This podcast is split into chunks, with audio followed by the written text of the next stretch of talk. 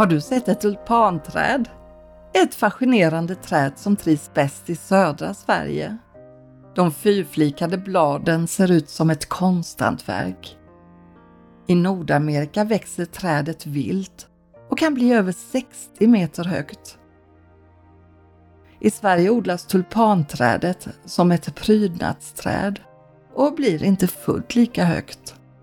Det kan ta upp till 15 år innan trädet börjar blomma med sina gulorangea blommor som liknar stora vackra tulpaner. Vi människor behöver också hitta vår rätta växtzon för att kunna utvecklas och blomma. Det finns en berättelse som handlar om två unga fiskar som simmar ner för en flod. Plötsligt simmar en äldre fisk förbi i motsatt riktning. Han säger God morgon grabbar, hur är vattnet? De två unga fiskarna ler mot honom och simmar vidare. Efter en stund vänder sig en av fiskarna till den andra och säger Vad, vad är vatten? Ja, den lilla fisken tog sitt naturliga element så för givet att han inte ens visste att han befann sig i vattnet. När du är planterad i rätt växtzon gör du sånt som känns helt naturligt för dig att göra. Du blir kanske paff när du får positiva reaktioner på det du gör och svarar Va? Det är väl inte svårt? Det kan väl alla göra? Nej, vet du, det kan inte alla. Du är unik och Gud har gett dig förmågor som är skräddarsydda och passar just för dig. När jag var ung var det många som älskade att väva. Jag trodde att väva var det man skulle göra. Jag fick en gammal vävstol av min svärmor. Mina entusiastiska vänner hjälpte mig med varpen och så började jag väva. Ganska snart upptäckte jag att det inte var mitt rätta element. Men alla andra vävde ju. Så jag försökte intala mig själv att det var roligt när jag i själva verket blev uttråkad. Men sen kom dagen då jag bestämde mig för att städa ut allt i mitt liv som bara gjorde mig frustrerad. Och så åkte vävstolen ut och kom aldrig mer tillbaka.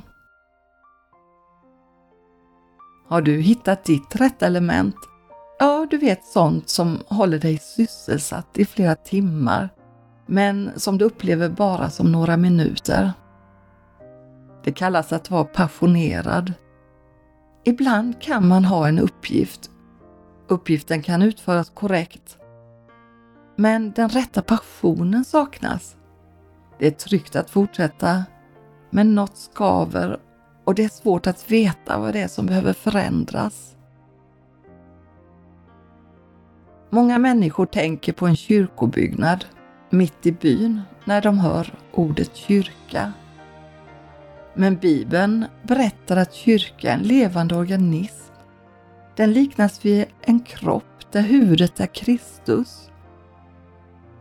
Din kropp består av många olika delar. Du har armar, ben, ögon, öron och ett skelett, ett hjärta och ett blodomlopp som behöver koordineras för att kroppen ska fungera. I The Message, som är en parafras av Nya Testamentet, står det Tänk er en fot som säger Jag är inte så elegant som handen. Inga ringar får jag heller. Jag hör nog inte till kroppen. Skulle den inte göra det ändå? Tänk er ett öra som säger Jag är inte alls lika vacker som ögat. Det blänker inte om mig och jag är inte särskilt uttrycksfull heller. Jag hör nog inte hemma i huvudet. Skulle du då ta örat från kroppen? Om hela kroppen var ett stort öga, vad skulle den då höra med? Om hela kroppen var öra, vad skulle den då lukta med? Som synes har Gud placerat alla kroppsdelarna på dess rätta platser. Jag tänker vidare. Örat representerar medkänsla. Ögat står för en blick för andra människor.